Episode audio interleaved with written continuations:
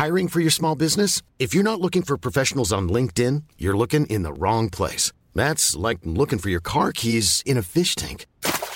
LinkedIn helps you hire professionals you can't find anywhere else, even those who aren't actively searching for a new job but might be open to the perfect role. In a given month, over 70% of LinkedIn users don't even visit other leading job sites. So start looking in the right place. With LinkedIn, you can hire professionals like a professional. Post your free job on linkedin.com slash people today. Mother's Day is around the corner. Find the perfect gift for the mom in your life with a stunning piece of jewelry from Blue Nile. From timeless pearls to dazzling gemstones, Blue Nile has something she'll adore. Need it fast? Most items can ship overnight. Plus, enjoy guaranteed free shipping and returns. Don't miss our special Mother's Day deals. Save big on the season's most beautiful trends. For a limited time, get up to 50% off by going to Bluenile.com. That's Bluenile.com. Since 2013, Bombas has donated over 100 million socks, underwear, and t shirts to those facing homelessness. If we counted those on air, this ad would last over 1,157 days. But if we counted the time it takes to make a donation possible, it would take just a few clicks. Because every time you make a purchase, Bombas donates an item to someone who needs it. Go to bombas.com slash ACAST and use code ACAST for 20% off your first purchase. That's bombas.com slash ACAST, code ACAST.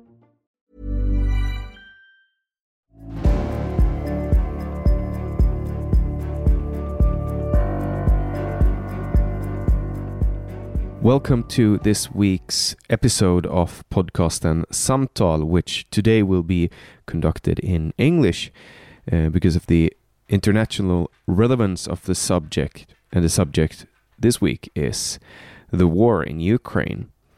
I had the honor to record this podcast with Kenneth Gregg, who is currently fighting against Russia in Ukraine. He's originally from Finland, just like me, but he moved to Ukraine in 2017. And when the Russians attacked, he decided to stay and fight. Uh, for you who listen to this for the first time, I welcome you to Podcasten Samtal. Uh, probably and hopefully we will have more of these interviews or conversations conducted in English in the future.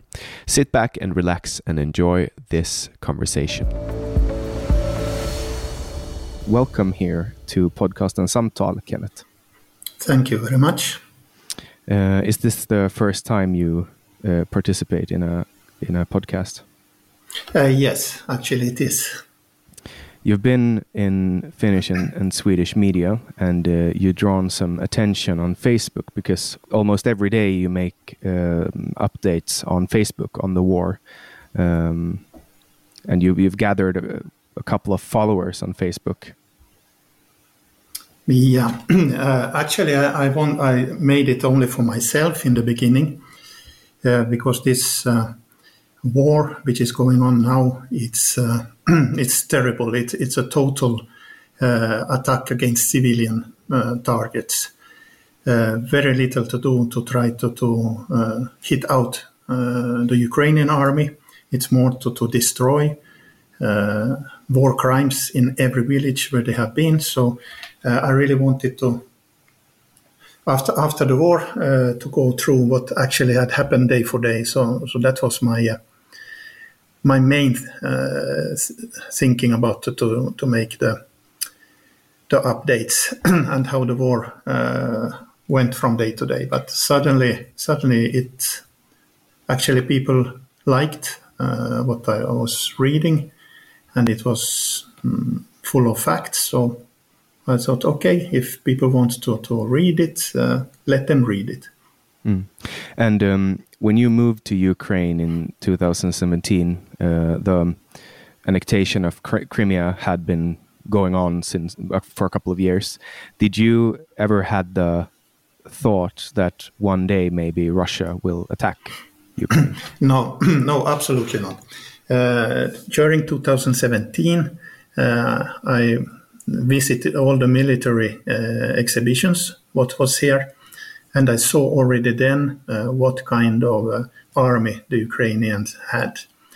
So I really, I really, it was. I told always to people that before the war that okay, the Russians are only trying to show their muscles, but they will not, they will not attack. but I was wrong. Hmm.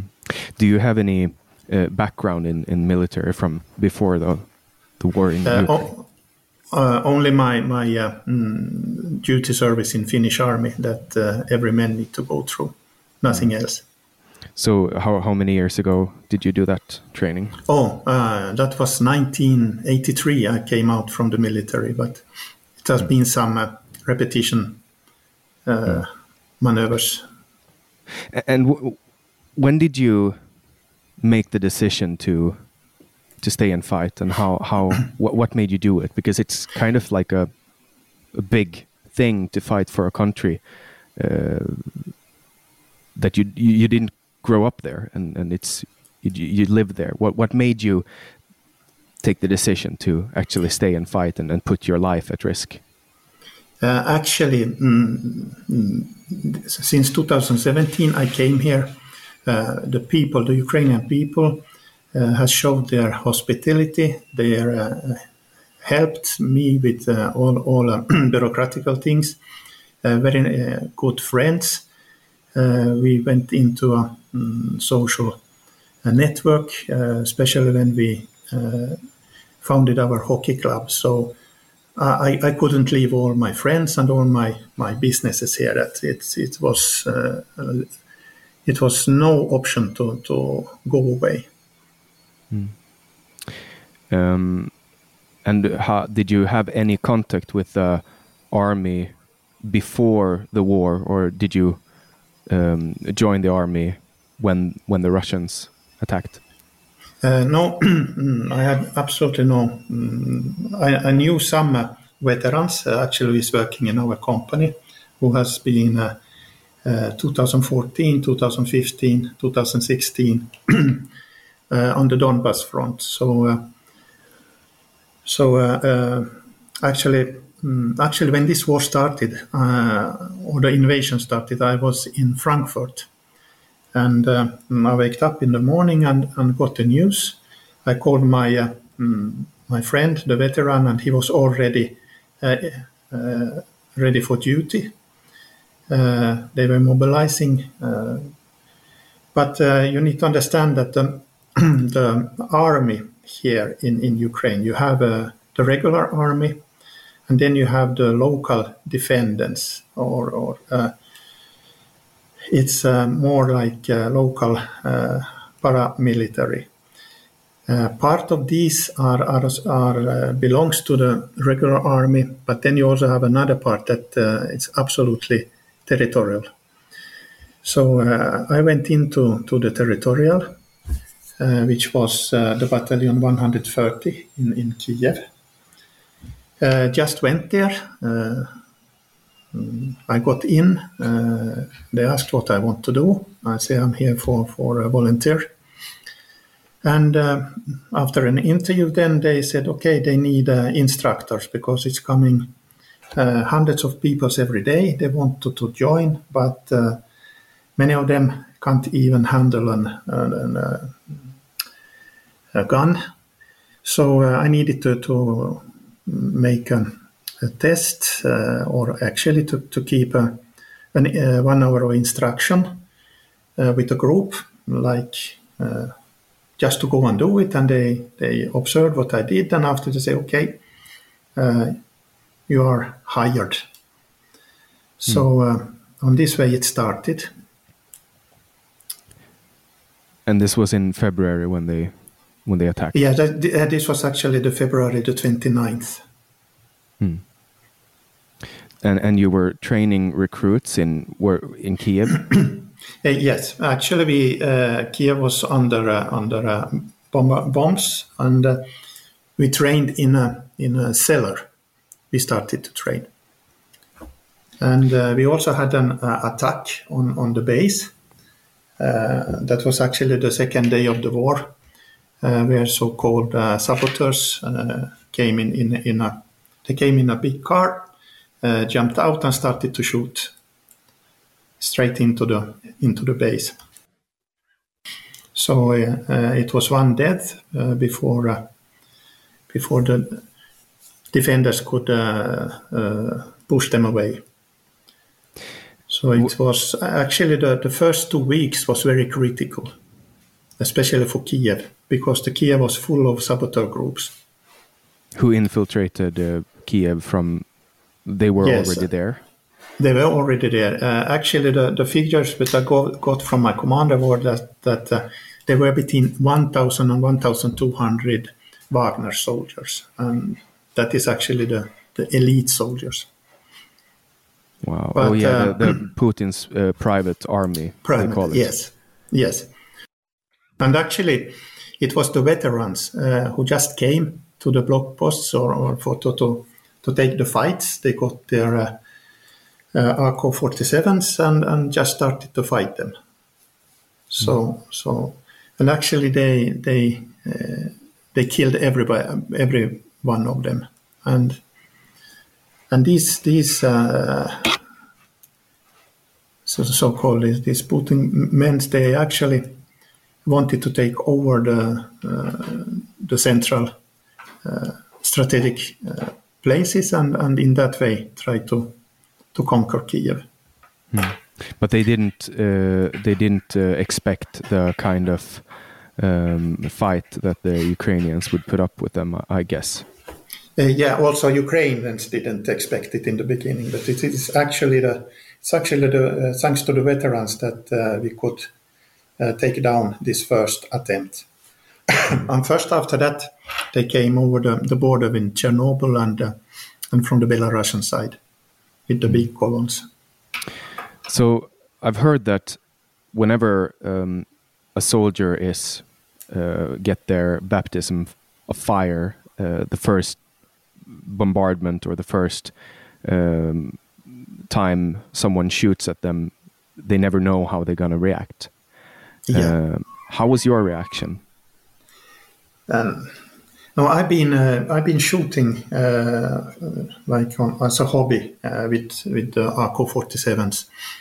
So um, mm, how to say when you hear uh, the shootings, uh, uh, if you have if you have handled this these AK-47s, you, you you really know what is happening. So it was not you get the adrenaline in the blood, mm, but nothing else. You are calm.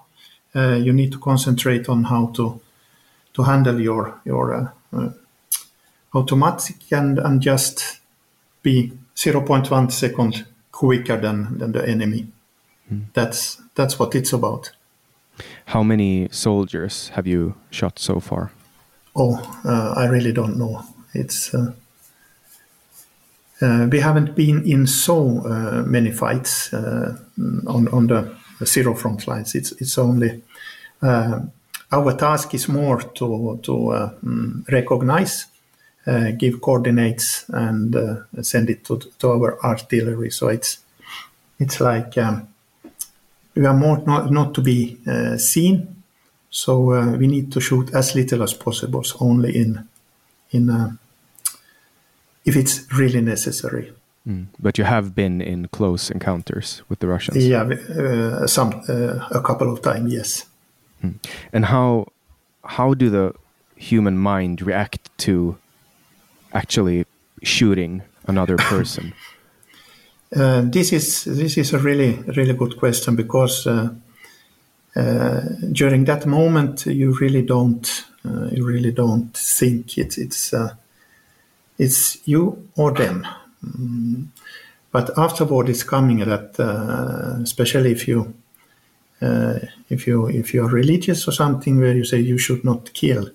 So actually, I asked a priest in, in Finland uh, how uh, does, for instance, the church uh, uh, is has their um, thoughts about this this Bible law that you should not kill. And I got a really strange answer. Mm, the answer was that, yeah, if you stand uh, private uh, against one, you should not do it. But if the state tell you to do it, you are allowed to do it. Mm. So here is a really big moralic question. Mm. Because it's it's I guess much easier to defend a country than attacking a country. I mean, for the Russians, it must be so much harder for them to uh, justify shooting uh, Ukrainian soldiers and civilians and destroying infrastructure, schools, hospitals, and so on. Yes, you, you really, uh, and especially when they they uh, execute the civilians, uh, how they how they are behaving in, in the the villages where where they were. Uh, but you need to to look at the uh, soldiers in the Russian army. Most of them are from very very poor regions of, of Russia, no education. Uh, they do what they are told to do. they have been raised like that uh, it's not human uh, what they are doing. Absolutely not. How, how is it even possible to, to, foster people like that? How is it even yeah. possible to bring it out from people? I can't imagine what they have to go through in order to to to create those soldiers. Yeah, it's it's. Uh, but every people is born with a brain, so uh, I mean, you should use it. You should know what is wrong and what is what is uh, right. And all, all these things now is is is uh, okay. You they are living in a very big propaganda. There they are promised uh, that they can rob and, and rape and do whatever they like here. That that in, in Ukraine is only Nazis and, and they're fighting for the good things. So but, they tell they tell the soldiers that if you go to Ukraine, you can take their property and you can rape their women. Yes, it's uh, if you look uh, what has happened in in uh, the areas which has been uh, liberated, it's the same uh, same structure of of, uh, of doings in in every every village. And if they don't get what they want, they just destroy the house. They burn it. It's I can't even imagine that this is happening just a couple of kilometers from here. Yeah, it's, and, and you should see uh, when we came into Bucha, um, and we saw actually what, what has happened there with uh, uh, people uh, with uh, handcuffed hands and shot in the neck. A 15 year old girl uh, in, in her house, uh, raped and uh, cut up from, uh, from the throat all the way down to the, to, to the stomach and left like that on the bed. So it's, it's, what like I,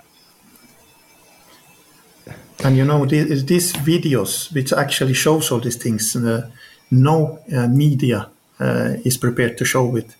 No media was prepared to show the videos uh, which my friend in uh, Chernihiv had on on uh, when it was bombing there when when old people laying on the streets shouting without legs without head without hands and it's that is the the real face of this war but nobody shows these things. Everybody, all the, the pictures, everything what the media is showing is, it's it looks like oh, it's not it's not so bad.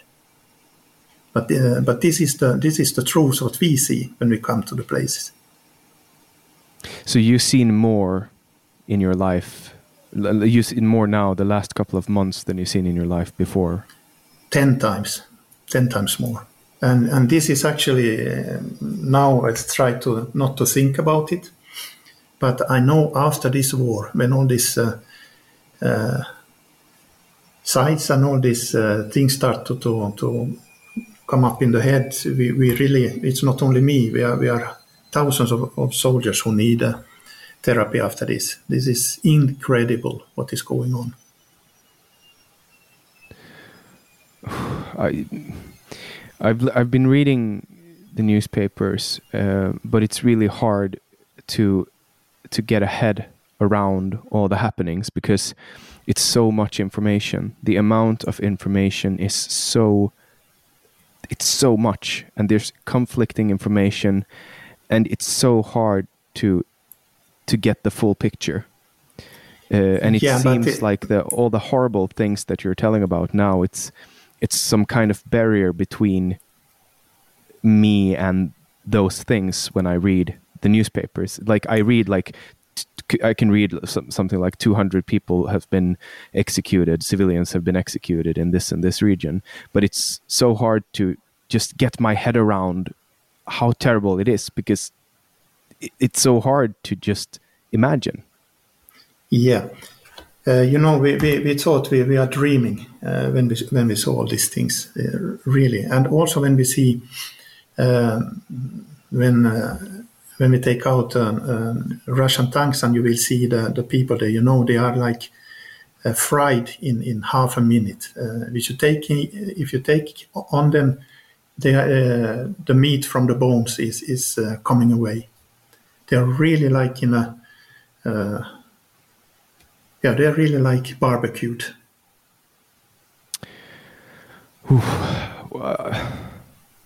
this is like I've been trying to like I've been trying to to understand the war, but it's so hard to to gather information because everyone have their own theories and everybody says different things and and here in Sweden people are on they they only talk about NATO all the time, uh, and and it seems like the focus. It's so hard for people to collectively wrap their head around what's happening, and I, I've seen really scary things.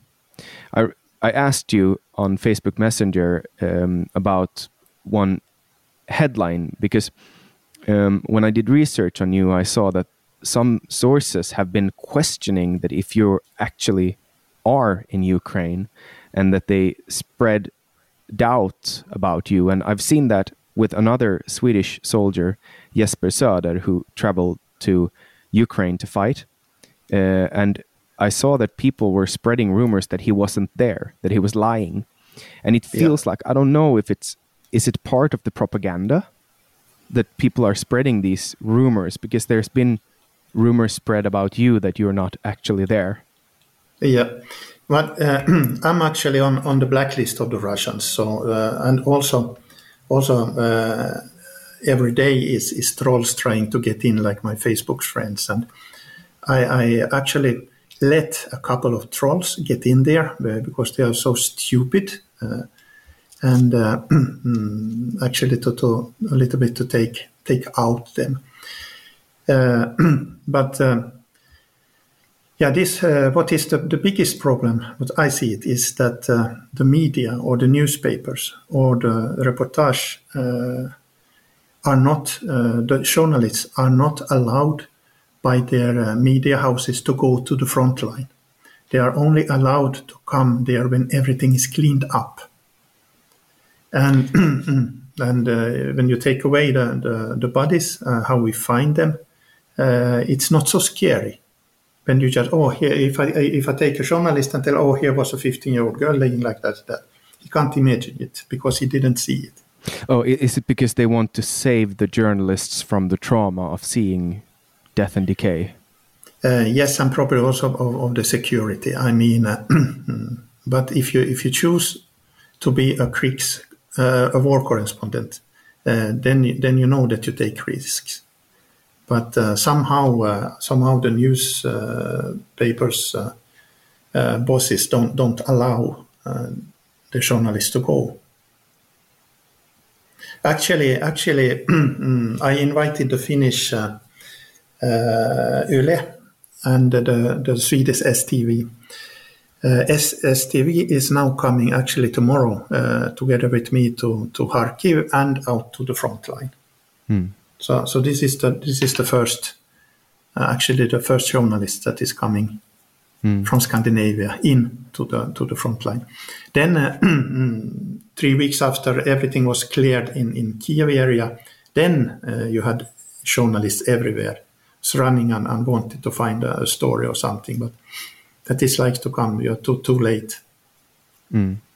Because hmm. in if if one Google your name. the thing you'll find is that there's a, an article saying that you're a former criminal, and there is uh, information about your past, not that you are actually fighting in the war, uh, educating people. There is now I can see it, uh, the last couple of days it's been changing. But for I think it, it actually depends on if I'm in Sweden or if I'm in Finland and I Google your name, I get different results. Yeah. Uh, this yeah. is, uh, but this war or, or this uh, doesn't handle. It's it's not about me. It's a, it's about the the, uh, the Ukrainians. It's about the, the uh, war. Uh, I mean, it's not me. I'm not. I'm not the star of this show. I'm just one of half a million. Mm. So because what I what I can see is what I suspect and what I'm trying to find out is is it part of the Russian propaganda to to uh, uh, point you out as a criminal in order to um, to take down the the things that you're writing on Facebook. That's what I'm trying to to figure uh, out. Part of it, but the second part is, of course, uh, the media. They want to have a, they want to have something to to write about. First, to put you on a pedestal, and then to take take you down from there. You know, to to make the decision to stay in a country that are being attacked by one of the largest superpowers in the world. But we thought that they were one of the largest superpowers, but they happen. it doesn't seem to be. I think it's it, it, kind of you know it makes a war hero, um, and and it kind of makes me a little bit sad when I see that people that, that the media isn't that they're trying to to and I've seen it before, you know. I've seen it on on Jesper Söder when he went down there, and people were flaming him on Facebook and Twitter and saying that he was lying and that he's a deserter and you know things like that. Yeah, uh, I don't know. Yeah. Is it envy or is it propaganda? I, it's hard for me to to understand these things. It's the first time I see them ever. I've never seen this before. Yeah, this is. Uh, I think it's a phenomenon in in the modern world. Uh, and you know all these uh, uh, war games you have on, on video games uh, it takes away the, the, the real it it's it's makes the war more like a glory but the war is not a glory the war is a, a question about life and death you can't uh, restart uh, a battle like you can do in in, in a video game mm. and uh, i think people is yeah, they have too little to do. Mm. Just find out what it's really about. Look, uh, see the, the real face of, of this war, and, and you really will understand. So, what is it? What is it that the Swedish and Finnish media misses when it comes to reporting this war? No, it, it's lack of uh, it's lack of uh, experience. It's lack of uh, or or uh, how to say uh, what we what we have in, in, in the Nordic countries is uh, work security. are you in a in a building area? You need what do you need today? If you are in construction, you need eight, nine, ten different cards. Hmm. security cards, uh, education, fire cards, and, and yeah, and helmet everything. and glasses, and yeah, you are more like a Christmas tree than than a, hmm. a construction worker and and this has gone in in the society probably. Uh, when I was a kid, uh, we were climbing trees. Today, uh, in in in our cities, they take away uh, two meter up, so nobody has possibility to climb the trees. And uh, kindergarten almost need to go out only with helmet. I, I mean, it's it's it's gone too far. Hmm yeah it's it's it's a different world and and not a lot of people at least in my surroundings i come from uh, Åland Islands, and we don't even have military servers, and it's demilitarized uh, in times of peace and neutralized in times of war. And uh, everyone always around me been very proud about the fact that, oh, it's the island of peace. And now, when the the, the war is just a couple of hours boat away and just like an hour flight away. Uh, and and Åland is a very strategic point for the Baltic Sea. It's people are getting really scared, and for me, I like I remember the shock, the extreme shock when I realized like, oh my fucking god, the Russians actually invaded uh, Ukraine. I, I I couldn't believe it was true because it's it's so close. It's so like Russia is Finland's closest country. Like it's our neighbor. Hmm. Yeah, And now they're 1,300 kilometer, 1,300 kilometer border. Yes. yeah, and this fucking insane guy, Vladimir Putin, is just going bananas, just playing with people's lives like they're it's like a game of chess. Yeah. Yeah. What, what do you think is wrong with Vladimir Putin? Actually, I met Vladimir Putin uh, when we had business in in uh, uh, St. Petersburg, uh, 1993. Uh, especially then, mm, the family friend uh, for us uh, was uh, Anatoly Sobchak and his family, and Putin was was his right hand during during his uh, mayor uh, time in, in St. Petersburg. And I told already then that this guy is, is schizophrenic. 1993. Uh, And this was before sick. he, he he became the president in '99, right? Right, yes, 99. So it, and this was 19, 1993. So it's, uh,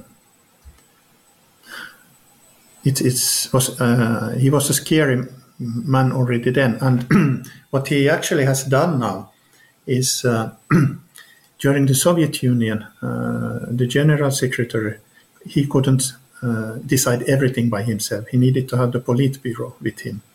But uh, Putin has nobody who can uh, stop him. He, he is totally dictator. And um, the West countries didn't see this. But this is a process that has gone on since 2010. So it's How could you tell that he was there was something wrong with him? uh, his behavior and his uh, looks and, and uh, how he's, he's was speaking. It's, it's really it it, uh, it struck me. After ten minutes discussing with him, it, it's it, he, I really told uh, uh, Anatoly Sobchak that hey, listen, this guy is dangerous, but he, he didn't he didn't listen. How long did you um, spend time with him? Uh, we were working together. There's something about two months. So you met him uh, several times. Yes, yes, three times a week during two months. So do you think he would remember you if if he met you today? Uh, I don't know. I don't know. Uh, after he became president, I couldn't get a visa for Russia for for uh, for, for uh, 13 years. Oh, did you ha- get into some kind of conflict with him or the company? Uh, no, no. But uh, during that time, you know, everything was in, in Russia. Then was uh, was corruption, Mm. And and we we knew some something uh, about him that he probably during that time didn't want to come come out. Did you personally see uh, anything that um, you could trace to corruption or l- like uh, crime connected to Putin? What he did back then? Not not uh, not during that time. No, not during that time. he was only into politics and Uh, no, he, he's in. When you are in politics, you are also in business there. So, so of course, he had part of the businesses in, in St. Petersburg. that is that is for sure. so. Um, so, what do you think he's mentally ill? yes, he is. What would you say that happened in, in his head? I know that you're not a doctor, but you know I No. have to ask. Like, This probably has to do uh, with the collapse of Soviet Union, uh, like like many experts uh, referring to. it, it was probably a very big trauma for him. Uh, he was in a very good position in Dresden, and uh, suddenly all that ended. he managed to do quite well, though. Yeah, uh, but uh, the, the first years after was not so so happy for him. Uh, he, he when he came became uh, when he became the, the right hand of, of uh, Anatoly Sobchak, then then his star uh, started to raise. How many people do you think he killed in order to get the presidency? Uh, this is now only what uh, what my my thoughts. I, I don't have any facta to put on it, but at least he he killed uh, Sobchak. That is uh, that is that is for sure, and uh, also he the opponents jumping out of the, of the uh, windows from the seventh floor or, or falling through through a hole. There are a dozen of them at least. Mm. Do you think he did it personally, or do you think he had someone doing it? No, no, he's he's too scared to do anything personally. It's uh, he doesn't do the, the, dirty work. Do you think he's a, or of course he's a psychopath. Uh, he must be a psychopath.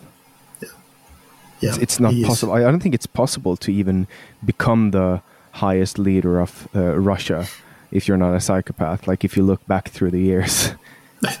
yeah, uh, even it, it's uh, it's incredible how he actually could could build up his power like this. So uh, uh also also he, he has had the patience to to stay low uh, when he needed to, to be the prime minister between his presidencies. So they had, but uh, he always he always been good to talk to give as we see now today, uh, the oligarchs, uh, they are not real oligarchs. They are only oligarchs because Putin uh, gave them the, the permission to, to become it. And he also can take it away from them very quickly. Mm.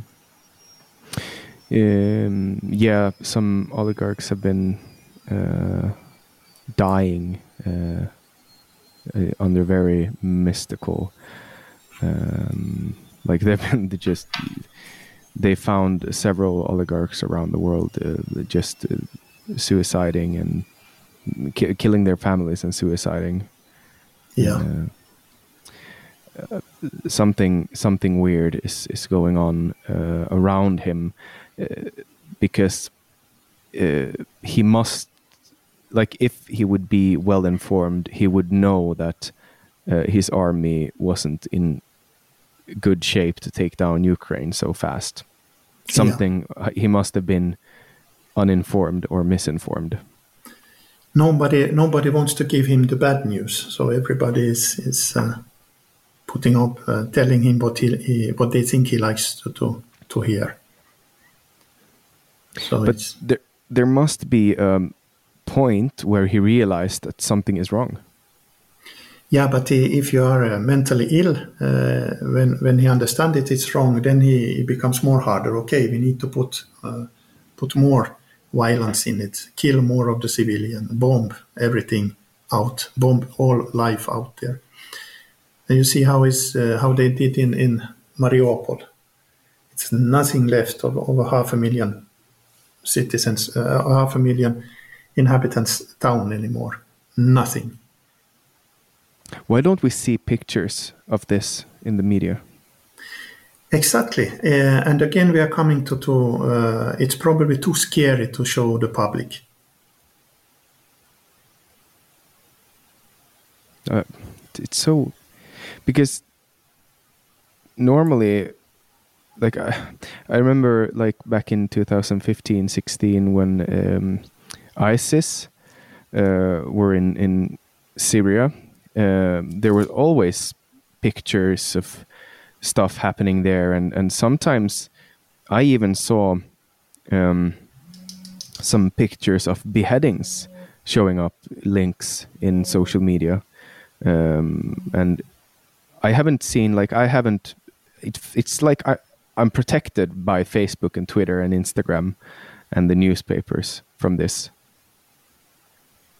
Yeah, it's almost like they doesn't let it go past the filters. Yeah. I guess exactly. I could find it if I would if I would go and and look for pictures of the war crimes. I would probably find it, but I haven't done it because I don't think I'm I don't think I want to see it. But it, uh, maybe I should take a look. Yeah, because you, you see the real face of it, uh, what it's really about. It's it's uh, it's the, the clean truth. Hmm. How how safe is it for a journalist to go there now? Do they still have the orders to shoot people in press vests? Uh, the Russians are sh- shooting everything what is moving. Uh, so this press vest, they don't they don't uh, uh respect it. Absolutely not. Uh, do they shoot at the Red Cross? Yes, yes, they do. They do. They do, and. Um, and I really don't know why. Uh, but if it, if they have got orders uh, or, or, permission that they can shoot everything, I mean they're shooting uh, uh people, civilians who's coming with the white flag, uh, with children. I don't care; they just shoot. And that's why these uh, evacuations has been very not not being able to to make it this is it's so like why he must have calculated the russians must have calculated somehow that no one else would go into the war. Yeah. The war could have been ended by now if if nato would have gone in and just you know it doesn't seem like they have access to their nuclear weapons because they haven't fired them, right? Yeah, right. Uh, actually, uh, these uh, Russian nuclear weapons, uh, really, uh, in what conditions are they? That uh, that would be would be very interesting to know because the, the whole army is a scrap army. they have tires on on, on, on these Grad systems, which is actually made in the Soviet time, more than 30 years old tires on heavy heavy artilleries. Uh, they don't uh, take long time to to uh, to break down, and, and we have seen also very much of of the equipment that they they actually stopped uh, of two things. One is because they don't have petrol, and the second one is that the tires are, are flat. Why why do they like if you're traveling somewhere and you have a vehicle, you calculate the uh, the mileage, how, how far are you traveling, and then you calculate how much is the fuel spend, and then you bring a sufficient amount of fuel with you. How yeah. how is it even possible for grown men to not calculate how much fuel they need when they're invading a country? Yeah, exactly. But uh, you know, in that army, uh, every, uh, the most, the best thing for for people in, in, the Russian army is to stay on a low profile, don't do anything, only to do when you get an order. So probably nobody has responsibility for it. Hmm. And how much uh, of the Russian equipment is it possible for, for the Ukrainian army to, to seize and, and take and use against them? Uh, at least the, the uh, tanks, uh, Ukraine has more tanks now than what they had in the beginning of, of, the, of the war. So it, so that's quite, that's that's quite funny. They just hunt the Russians out of the tanks and take them. Yeah, or, or when they are stuck in the mud, uh, because uh, what for idiot is starting an invasion uh, when the spring is coming? when you can't go with uh, heavy vehicles uh, outside the roads. Yeah, Russians really should learn from the history and fight in the winter. Yeah, and also the, the reason why why we had this uh, 60 kilometer long uh, column in uh, outside uh, when they tried to go, come to, to Kiev, that is actually on the Belarusian side, the rail workers made sabotage on the on the railway. So actually, they, they couldn't wait for to get the railways to work. So they just jumped into the cars and started to drive. And suddenly, you had a 60 kilometer line of, of uh, vehicles. Mm. Cannon meat. Cannon meat. Because it's uh, like I'm not a I'm not a military man, and I have no formal training, and I have no uninformal training but I know that it's not a smart idea to put 60 kilometers of vehicles and men in a line because it's very easy to just bomb them. Yeah, yeah. And, and I guess you did. That happened, yes. what about the Russian military command? Um, they don't seem very strategic. No, but uh, mm, when will they have time to, to make up a strategy when uh, they have a pressure all the time that they need to, to conquer the country? And if you don't uh, succeed with the first attack, then you need to make 10 new attacks. But uh, everybody knows that every time you attack, you lose something, you get weaker, weaker, and weaker. So it's. Uh, how long can this war? How long can Russian, the, the Russia send in men and and? Okay, if uh, if they don't declare uh, official war, I think this uh, war actually the beginning of the end of this war is 15th of May. Why? Uh, first, that they wanted to have the 9th of May. Mm, they wanted to have these big parades and, and have some victory. Uh, now they have uh, now they have attacked all the time. They don't come even one kilometer. They don't come through the Ukrainian lines. They're using their uh, equipment, and Ukraine is getting more and more and more into the front of heavy heavy weapons. So uh, mm, it is estimated that around 10th, uh, 12th, uh, everything is, is ready for the big Ukrainian counter-offensive. And when that one starts, it's it's they're gonna make uh, of these occupied areas, and it's gonna make like a Emmental cheese of it. It's gonna be full of holes. And also in Melitopol, uh, we already have very big uh, partisans or guerrilla war, which is uh, destroying um, and, and, taking the Russians in the back uh, towards uh, between Melitopol and uh, Kherson. And that day, Ukraine take Kherson back with the new American artillery which has arrived. Actually, we can shoot this link between uh, the Crimea uh, and and um, the Ukrainian uh, mainland actually destroy the road there, which make that the Russians can't go back or they can't send in more through through the Crimea. So so that that is the end of that war. Uh, they don't uh, come through in Donbass. They tried, tried, and tried, but can't can't uh, come through the lines. And in so Kharkiv, uh, they are losing village by village. If Putin gets desperate, what are you afraid that he can do? Now everybody's talking about that he will put uh, the nuclear power or the nuclear bomb, but that will not happen. Uh, if he do that, uh, that is the red tape for, for NATO, 100%. The Poland will, will not accept it. Romania will not accept it to have a, a radioactive uh, dust coming over the borders. Uh, then is the third world war and, and, Russia is over in two nights. Russia have um, atomic um, submarines that has nuclear weapons and they can attack Washington D.C.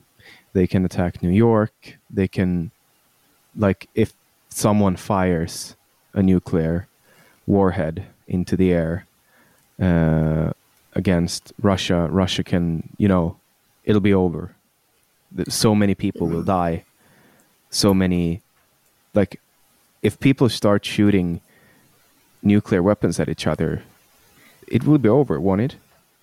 everything. Uh, I mean, in, in theory, in theory, yes, in theory, exactly like the theory was that Ukraine will only last three, four days.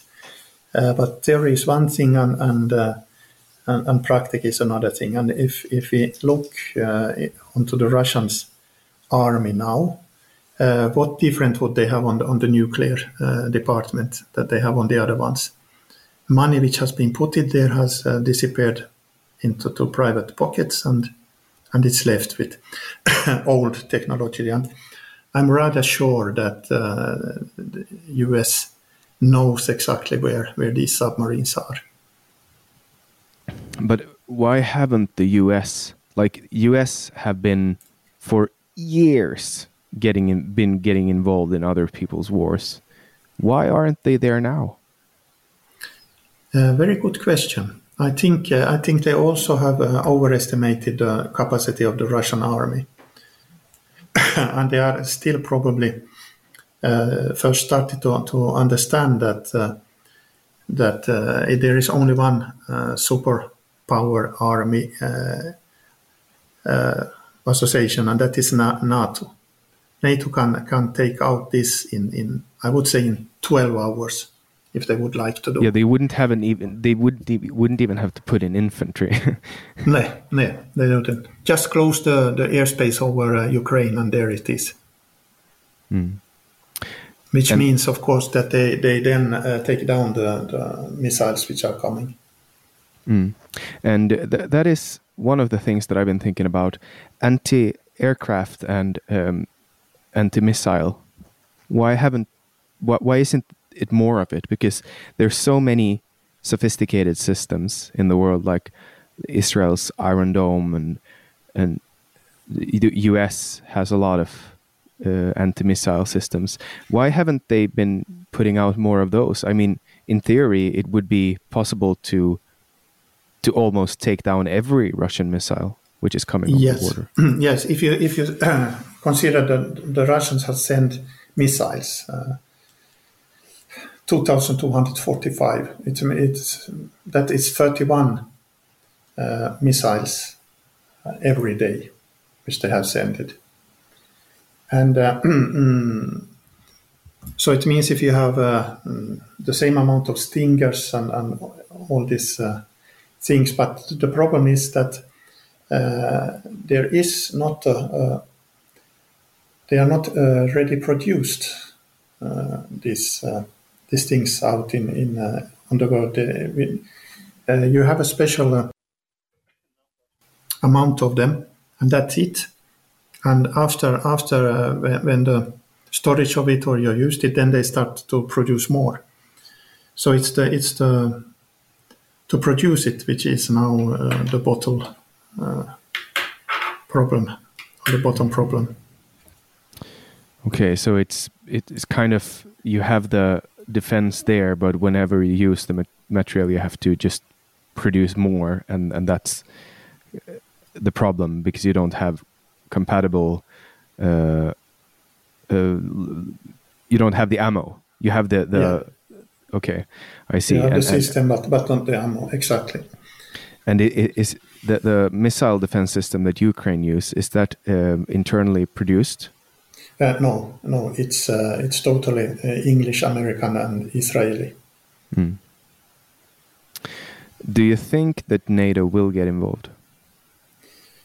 Um, I think they are already involved by uh, by uh, supporting uh, the weapons.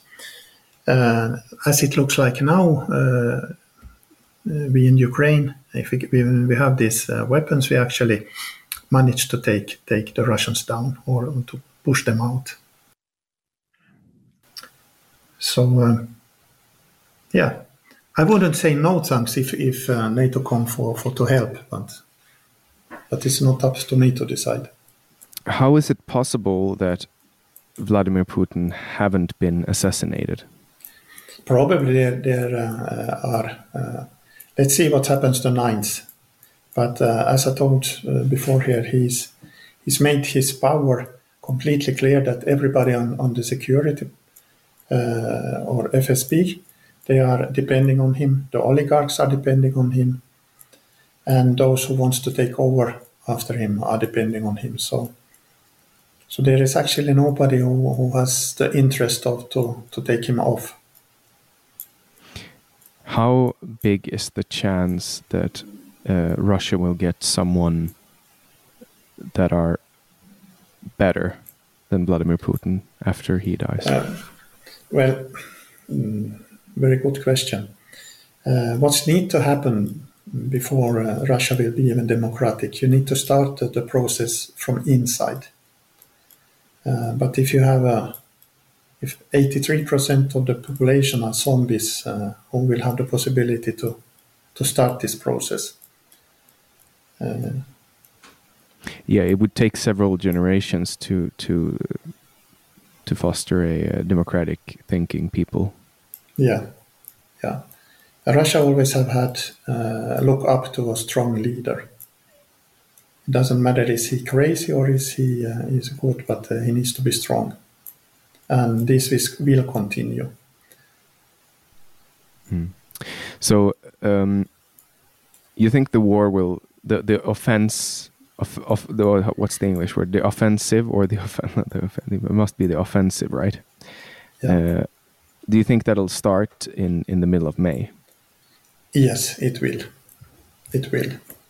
And then will the Ukrainian army go into Russia? Uh, probably not. They probably will stop by the by the 1991 years uh, borders. Hmm. Uh, so it's uh, it will not be an attack war from from the Ukrainian side. No, it will not. Hmm. You and I share the common history of uh, Finland because we are both citizens of Finland and we are very proud of uh, of the war because Finland really um, did good uh, in the war uh, between Russia, um, but Finland made a big mistake when trying to invade Russia. Actually, yeah, maybe Ukrainians will learn from that. Let's hope so. Let's hope so. Because that was very provocative of Mannerheim to to try to seize Russian land. Yes, yes, it's it was his mistake. Mm but I guess like if if you if you fight the Russians eh, with the efficiency that they did, um, it felt kind of maybe it, this is could be easy. um, yes. But uh, I think actually that the Ukrainians have shown that they have, you know, excelled uh, Finland's history of fighting Russians. Yeah. Because the, the the, the brave the bravery that these men have shown is it's unbelievable. Yeah, but you know this bravery. It's, it's not only started with this war. It was also 2014 on the Maidan, uh, when when people uh, uh, observed that okay, Yanukovych is now taking this country back from uh, from freedom into to, uh, to into Russian hands. So so uh, they actually started this. Uh, they don't accepted it, and, and this bravery is actually starting from from the Maidan revolution. Hmm. And now, every day, the Ukrainian army and all the people in Ukraine that fights uh, gets more and more experience. Yes. Uh, and this experience is possible to be duplicated into new recruits. So every day, and, and you tell me that the uh, Ukrainian army gets stronger because people are sending weapons and uh, equipment, and also they take tanks from the Russians, which is hilarious. Um, is it possible for the Ukrainians to, um, after this war, um, become a become a nation that is stronger than it was before? Yes, uh, I think what will happen here, because the unity now is very strong. And uh, uh, at the same time, uh, after this war, uh, the people who stand up for this country, the normal Ukrainian, he will not allow these oligarch systems in this country anymore. And also these uh, corruptions. the first people to run out was the most corrupted so, so they actually are abroad already. And mm. uh, people is talking that they're gonna they're gonna uh, look all the time of, of the new uh, clerks and, the new uh, government, and uh, and also also these uh, oligarchs systems. and I don't think any politician after this war will stand up for, for any oligarchs. Uh, they, are, they need to stand up for the normal people, for the for for everything what they have done here. Uh, I mean, you have in, in, in my group also, which I recruited, you have a, a high uh, IT level uh, directors. You have a florists. Uh, we have a mechanics. We have chefs. We have um, construction workers, and everybody is uh, united. Nobody is higher than the other one. Everybody is supporting each other. Hmm. Um, do you think that things would have been different if Ukraine would have been a NATO country? Yes, this war wouldn't have happened then. Do you Absolutely. think that, do you think when this is over that um, Ukraine will be a part of NATO? Uh, I don't think so. Uh, I, the peace uh, probably will be that uh, the security guarants uh, need to involve also China. And uh, mm, I don't think Ukraine will join NATO in 40, 50 years. Because they're they don't want to fuck up their relations with China. And I mean the the biggest army in the world is actually the Chinas. Mm. And if uh, you need uh, to involve China in, in this conflict for, for to, to get it to calm down.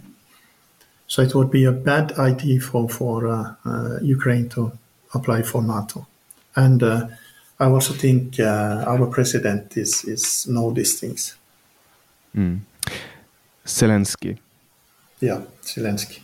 He is a man of his word.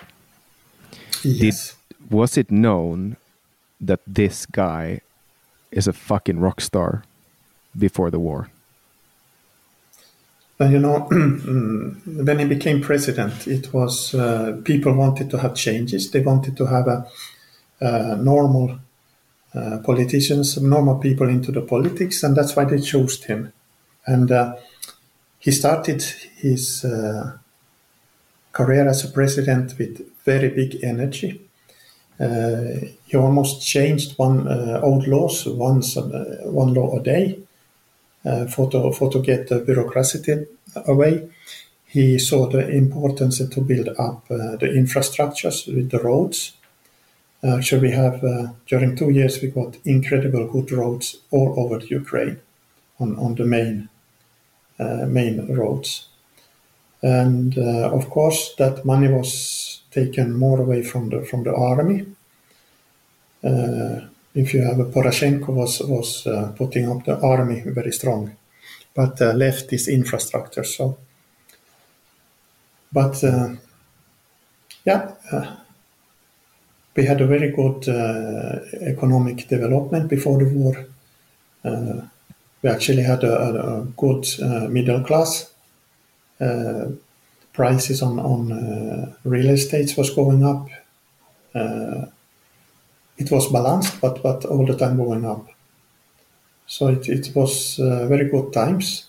the economic growth was in, in a rate of 6, 7, 8% every year and the deficit of the sta uh, state budget was almost down to to one percent only. It was incredible with a war going on in Donbass and Lugansk.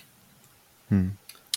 Do you think that uh, this war would have been as successful if uh, Poroshenko would have been the president? No, no, it wouldn't. We wouldn't have this unity which we have now. It's quite, quite. Um, ironic when you look at uh, Zelensky's history that he's he was in a TV show uh, where he uh, starred as a president. yes. And then he became the president, and now he's a war hero. Yeah. Uh, he has no formal military education, right? He's a lawyer. He's a lawyer, yes. So he's. Uh, how how much involved is he in the strategies, or does he give it to people that are better in those things? Uh, I think he, he's very innovative. Mm, he, he, thinks in in uh, uh, new different uh, circles, and then he put his militaries to to, to study the ideas, and he also listen. I think listen to his uh, generals. Mm. So actually, he's he doesn't need to be the expert, but he, he needs to be the the united uh, the one who unite everything. That is his work. Mm.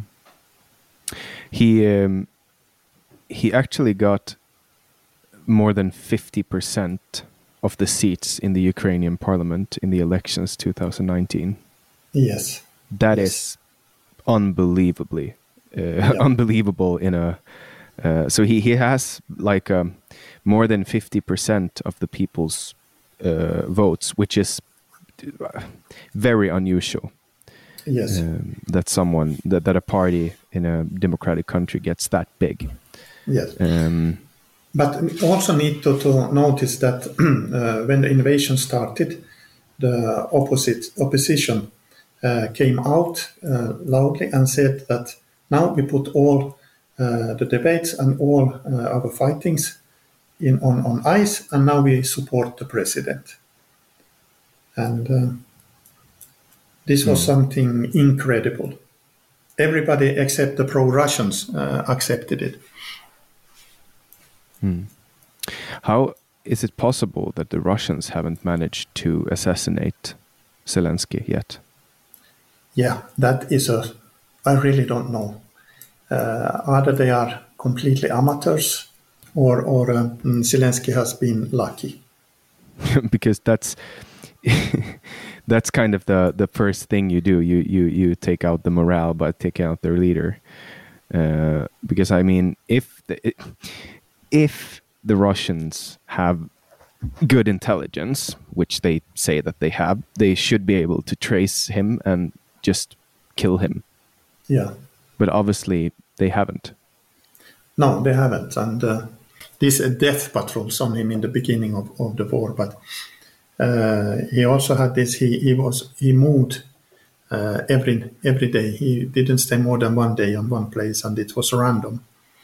Random. Uh, it was no like a schedule where he was going to go. Mm. It was always. Have you um, met him? No, no, I haven't met him. No. Is he well protected? Uh, I yes, now he is. Now he is hundred percent. It's. Mm. Um, so, uh, what do you think will happen after the war is over uh, with Zelensky? Will he continue as president? Because he said that he will only sit for five years. Uh, do you think that'll change? Because I guess that he will get more than 80% of the votes or something like that. Crazy.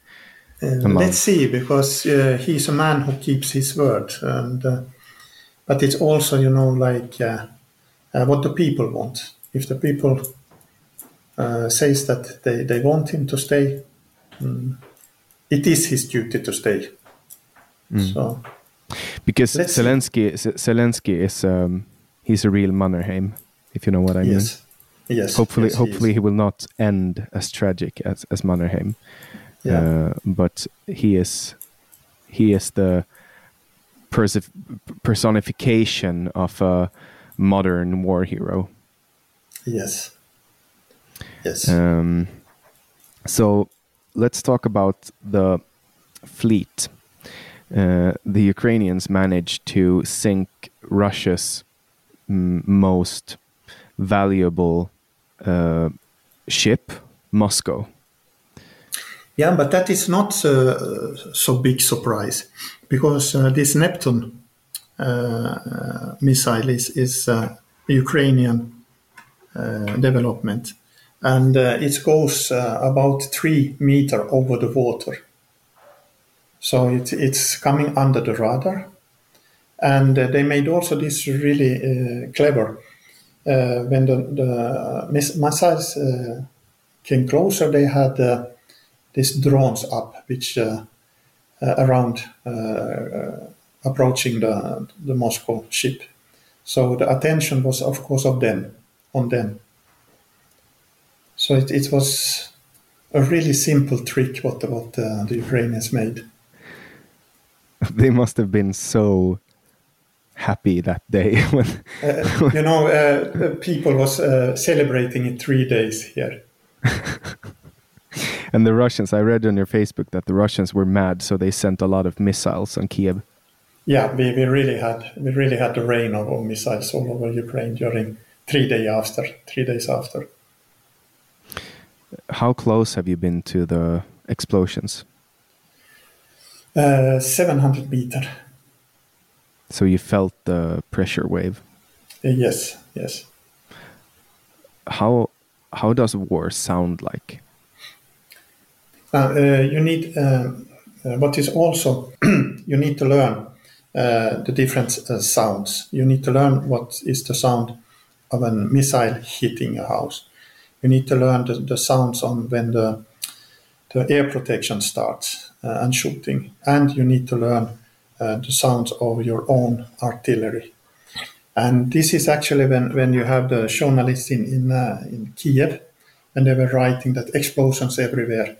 Uh, of course, they are not uh, used. They can't say what kind of explosions they hear. So it, it always came in Aftonbladet in Express and that explosions all over Kiev. Yeah, but, and it uh, could be the anti-aircraft and the missile defense system, or seventy percent, seventy-five percent uh, shown as it was uh, anti-missile systems. Hmm. And, and uh, then, uh, of course, they took out uh, missiles up. You also have a special noise when you hit them on, on, on the in the air. But uh, really, when you when you get a hit, you really you really hear the difference. And uh, how many percent of the missiles that they uh, send, the Russians send, do Ukrainian anti anti missile system take out? They take out something about 60, 65 percent. Uh, and is it possible to uh, to calculate where it's about to hit? Uh, this is uh, like radar. Radar is is uh, calculating by itself. So Are there any apps or anything that can warn you if there's an approaching missile? Uh, it's the radar system. Yes, it's the radar system. So it's. So I mean, they already they already they already uh, know when they're coming when they are shooting up them. So it's. so passing. you know when you have to run into the basement. Yes. Yes. You have about when the sirens start, you have something about 10 minutes. Okay. Yeah, okay. So you always know when there's an approaching missile in Kiev. Yes, yes. So you can basically be pretty safe if you have if you're less than 10 minutes from a, uh, a shelter. shelter. Yeah. Okay. Uh, and life is starting to get quite normal in Kiev, I've heard.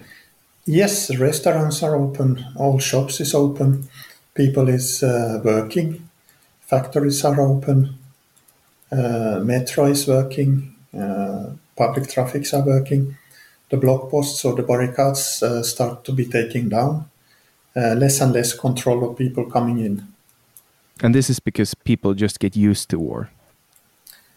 Um, yeah, but it's also it's also um, mm, you need to, to even if it's war, but we don't have the Russians close here. So um, you need to, to keep the economy of the country also. Uh, there is a balance you need to go uh, with, uh, with the economic things and uh, the war zones. Hmm.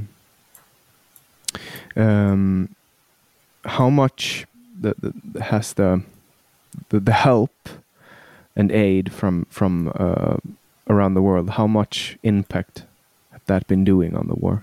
and the uh, without without that, uh, the invasion would have succeeded. And where is the the biggest help? Where's that? Uh, it's on the on the weapon weapon side, and also also uh, the money help uh, to to keep the the Ukrainian currency stable. Hmm. That is the two things. And um, is that like is it getting better? Like w- when people see that it works, like do they continue sending or has it stagnated in any way? No, the money help which is coming, that is of course what the uh, USA is sending, European Union is sending for for the state uh, finances. Uh, the humanitarian help uh, is of course uh, also has been very important, especially especially on the western side of Ukraine. Where all the, the refugees uh, was. So without that one, there should have, there have been very very badly. Mm. In and still needed, still needed. Mm. In Swedish and Finnish media, we read about the Azov Battalion, which is um, Nazi armed forces, according to the to the media. Yeah, uh, and and and this is really. Uh, uh, Azov was actually 2014. It, it was an, an, a right extreme group. 2015, it was already uh, taken away the poli- uh, this policy from it because it was uh, entered into the, the regular uh, army of Ukraine. And uh, mm, mm, today, Azov is uh, actually like the US Marines. And it's very simple to check out this data just to take the telephone and call the nearest Ukrainian embassy. So there are absolutely no right extremists fighting in this war. Absolutely no.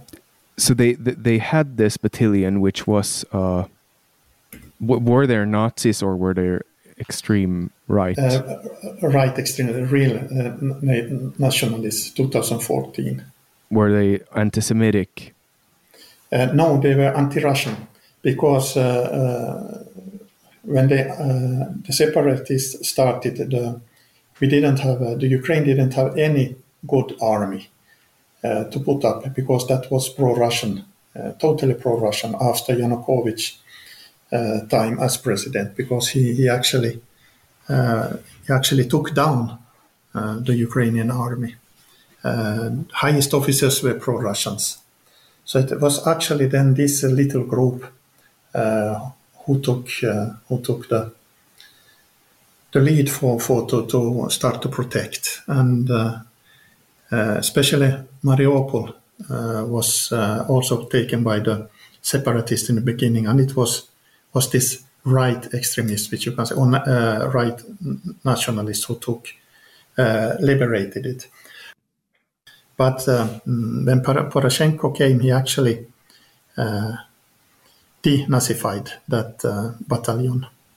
Mm. And that because was already 2015.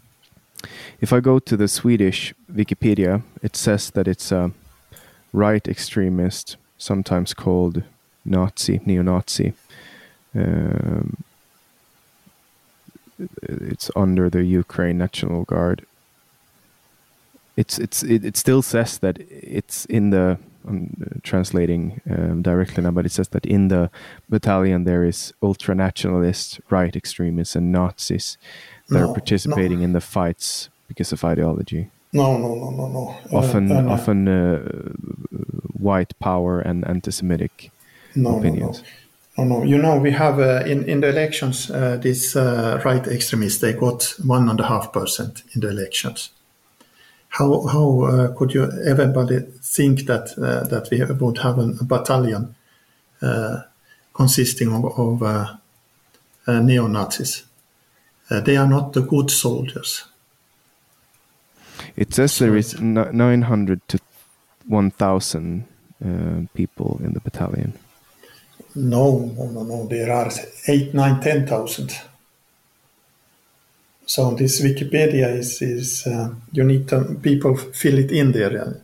This is the, the best thing is to, to, to take a, the journalist could actually take the call to the nearest embassy and they will get a completely explanation what is the Azov. That mm. is the elite of the elite today. Uh, and it's it's really really difficult to get into that battalion today. Mm. It's like to go into the U.S. Marine. Mm. The the um, Swedish public service SVT Nyheter says that uh, it's a, an important part of the Russian propaganda. Uh, to it's an effective way to uh, paint your enemy as Nazis. They explain. Mm-hmm. Yeah. Uh, yeah. Uh, they also okay. they also they also um, have the Russian also uh, tells that the, the, government is a Nazi government here. Mm. Yeah, even though Zelensky is Jewish. yes. Seems yeah. like seems like there's some kind of conflict of interest there. yeah. Yeah. Okay, so but okay, so then the Russian war propaganda has been infiltrating the Swedish media. you know, you always have journalists who, who wants to have some sensation and, and just take a copy paste. Uh, you know, we had here uh, from Ilta-Sanomat, the Finnish newspaper, and uh, two reporters, and, and, we went through this with them, uh, the Azov, and uh, uh, so they, they really understood that it's, is absolutely not a nationalist or not a neo-Nazi organization. so they made an article about it, but then one week later, when some other journalist was be, writing in, in uh, Ilta-Sanomat, they, oh, by the neo-Nazi battalion, two days after each other. So I, I made and uh, send an, an SMS to these two uh, uh, guys who was here and say, hey, look what is writing in your your uh, letter, uh, your newspaper, and they answered, yeah, this is not right. So it's. Mm. I hmm. don't. I really don't know what, what the media is doing. I guess it's kind of an overwhelming task to uh, to try to get a grip on this war because the the the flood of information is so huge. It's extremely hard to know what to. to yeah, but this in, in, this information is also if you take now uh, Aftonbladet and, and Expressen. On the front, it doesn't happen every day so uh, so much things and then it happens then it can be a week with no happenings and then three four days it happens very much but somehow uh, the scandinavian media needs to get the whole day program about uh, what will happen. Then they take some military expert to come and give their view and they don't have any information to go on. It's only speculations. Yeah. Yeah it's like a um, like in ice hockey or football when when they talk about what's going to happen before the game they have no idea they only speculate. Yeah exactly so so my updates are sometimes they are longer because it has happened something sometimes they are very short because it didn't happen so much that day mm. so what will you do if you survive this war because we can't really uh, you're putting your life uh, on the line every day, and uh, people are dying in in in Ukraine. Uh, what will you do if you survive? Uh, no, now I'm already. I was here in Kiev when, when the Russians were. I'm now in Kharkiv, and our commandant said that my age is already so high that uh, this is the last uh, front area I can participate. They will not take me down to the south. So after Kharkiv is uh, is liberated, uh, uh, they will put me in the reserve. So I need to start to to work with my traumas after this after this experience what I have had, and also start my civil work. Mm.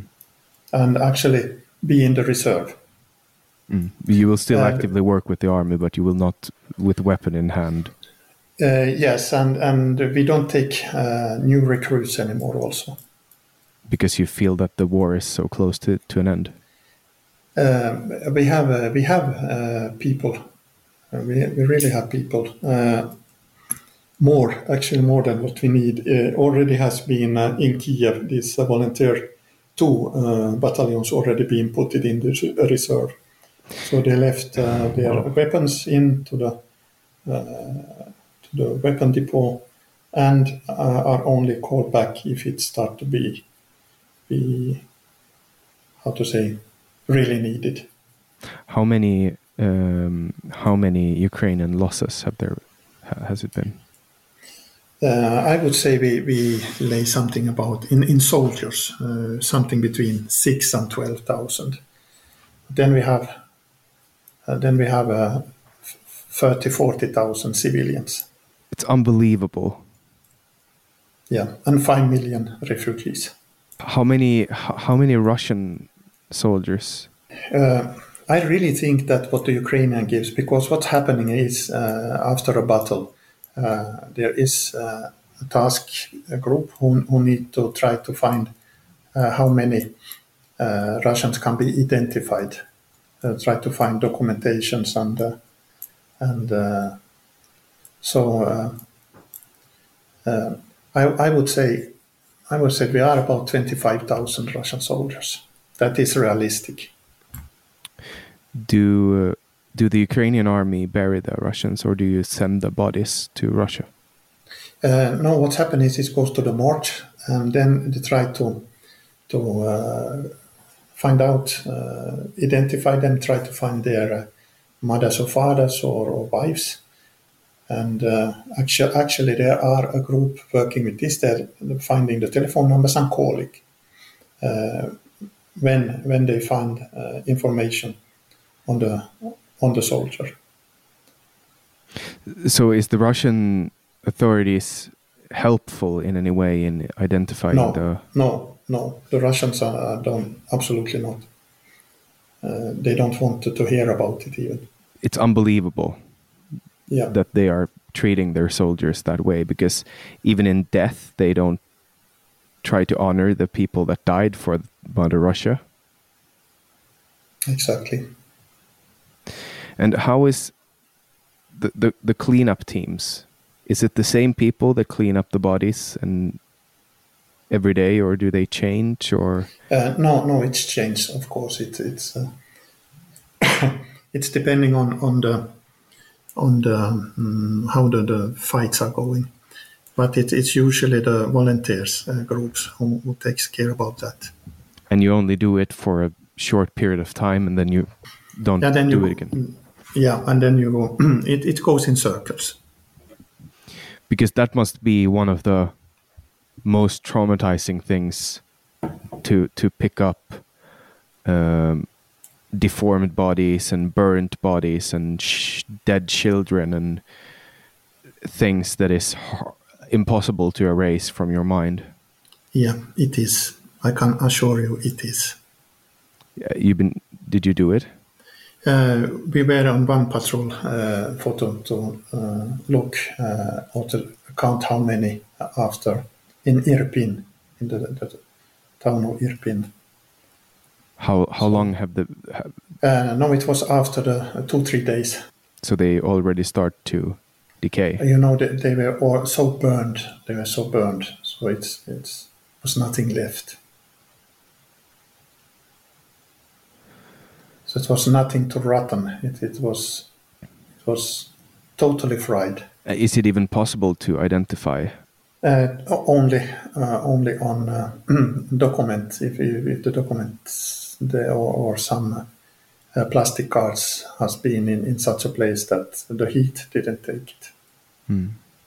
Because I know that forensics can, like, if, if someone you can you can take teeth and analyze yeah. them, uh, but I guess that during a time of war, it's there's so many things going on simultaneously that you wouldn't spend that amount of time to identify the no, no, it's it's proper like this. Uh, they are uh, put it on, on in boxes and and uh, deep freezed, of course. Uh. and and if you had find some uh, documentation and and uh, it has been shown, find their their mother or father or son or daughter, it, it's then sent. it's then sent to, to them. This box. And every every body and every person that are identified will get a proper burial. It's not yes. mass graves, right? No, it's not mass graves. And even with the Russians. Not even, not even for the Russians. So uh, the Russians, uh, do they they get a a burial somewhere on a cemetery, or is it like? And uh, for the moment, uh, uh, the most important thing is to, to, to, to save them and for to see after the war it, it can be sent back. Mm. And uh, what do the Russians do with the Ukrainian? No, bodies? they just leave them. Just leave them like they leave their own own bodies there. They, they just leave them. How do you think the the the self image of the Ukrainian nation will be after the war? No, uh, I think it will be uh, proud that we, we could defend this country, proud to be a Ukrainian, uh, not to fight between each other among us, and, to, stay united. I think it, it's it's really going to be a yeah 20, 30 years of like it was in Finland after the war. Everybody was was working for to to get a good uh, country again, and it will it will start it will start also the same process here. Hmm. And how is the internal disciplination of Ukrainian soldiers who commits crimes? Uh, absolutely, I said very very low. Uh, there has been some videos from Kharkiv when, when they were uh, shooting the the um, Russian artillerists in, in the leg when they were taken. Uh, of course, when, when you see what they made in in uh, in Kharkiv, uh, you can understand them to one part, but uh, uh, the officers and, and uh, military police will, will not accept it. So it's you, if you do a crime by doing this, you are, you are also punished for it. Are there any death penalty, penalties for uh, war crimes in the Ukrainian uh, army? Yes, yes, it is. It is. With trial? Uh, with trial, yes. And how many of those have been performed? Zero. Okay. So the Ukrainian army knows that if they commit war crimes, they will be sentenced to death. Yes. And therefore they, they don't do it. Hmm. Yeah.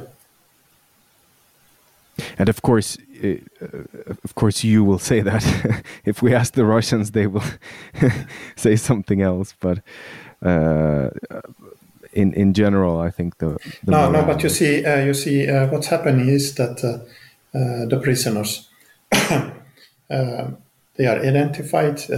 they want likes to make statements, and also we change them against our own.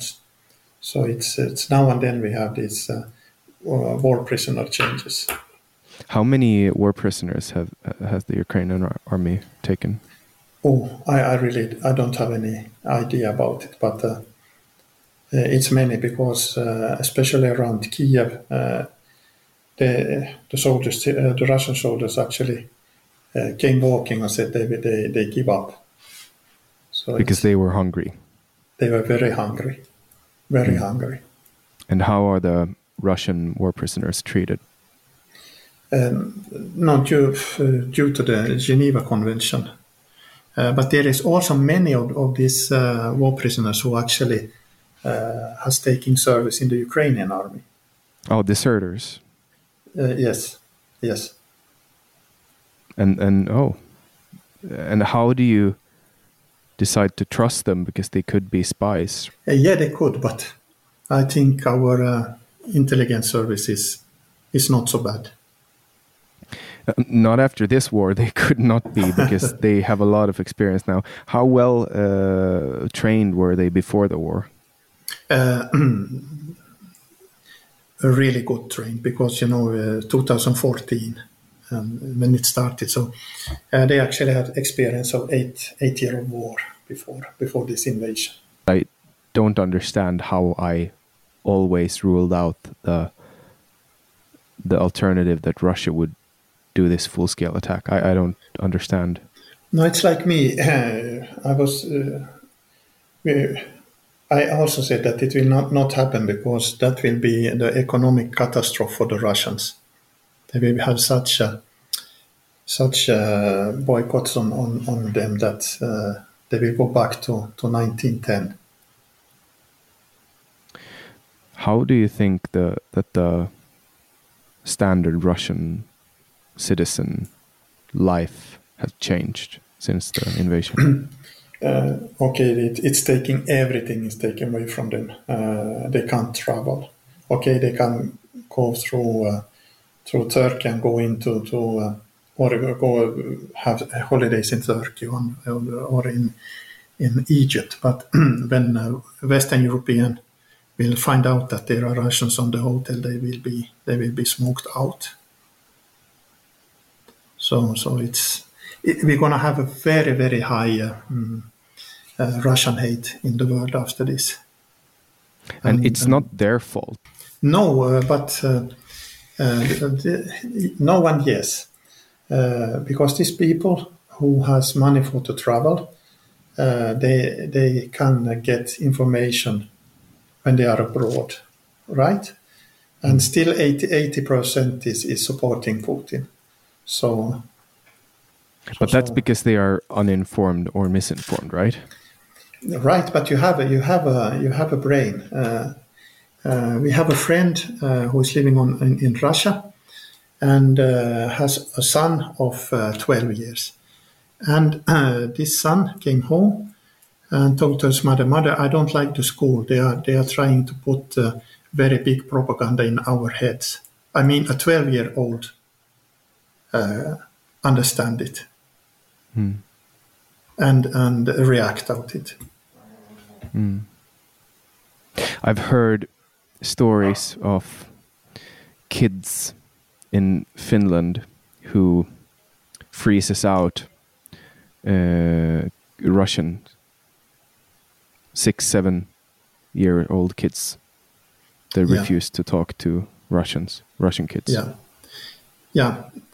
Uh, this is this is the problem now which we're gonna have. Uh, like uh, like we have here in Ukraine, uh, that uh, hate against the Russian and everything what is Russian is very high, but still the Ukrainians make difference between Ukrainian Russian and Russian Russian. Hmm for me, Russian hate is just you know the normal, and you were from Finland, so you would know all about it, right? Yeah, we inherit it with our mother's milk. So yes, yes. but for I mean, uh, for other people who doesn't already have it, because all nations have some old enemy that they don't like. Yeah. And for, for, for the Finnish people, it is the Russians because the, the Russians did the same thing that they're doing to Ukraine now. They did in the 40s with Finland um, uh, and and you know before that there's many many many years of of uh, the same thing. So it's gonna take a long time before uh, the Russians actually will be back on the uh, level what they were before the before the war. Mm. and hopefully all the sanctions will make sure that they they they can't get there. And hopefully someone will just I don't think it's even possible to, you know, invade Russia. Nobody has ever done it before, and um, even if they would manage to invade Russia and put a, a, a new government there, they would probably just, you know, do another revolution as they have been doing um, uh, before. And but I, I hope that someone, someone strong, will just keep them down, making that they can't do it. Because the problem with a very very very big country and a lot of taxpayers and a lot of money and a lot of corruption is that eventually it'll go to your head. No yeah. leader has ever been able to to to keep their mind intact leading russia. Exactly. Thank you very much uh, kenneth for participating in uh, podcast and samtal. Uh, it's been an honor to to talk to you, and I wish you all luck. Slava Ukraini, and thank you yeah. a lot, Kenneth. Thank you.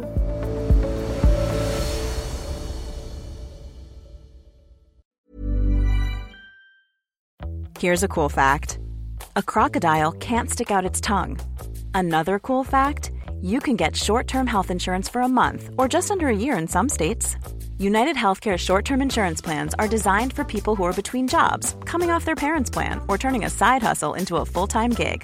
Underwritten by Golden Rule Insurance Company, they offer flexible, budget friendly coverage with access to a nationwide network of doctors and hospitals. Get more cool facts about United Healthcare short term plans at uh1.com. Even when we're on a budget, we still deserve nice things. Quince is a place to scoop up stunning high end goods for 50 to 80% less than similar brands. They have buttery soft cashmere sweaters starting at $50, luxurious Italian leather bags, and so much more. Plus, Quince only works with factories that use safe, ethical, and responsible manufacturing. Get the high-end goods you'll love without the high price tag with Quince. Go to quince.com/style for free shipping and 365-day returns.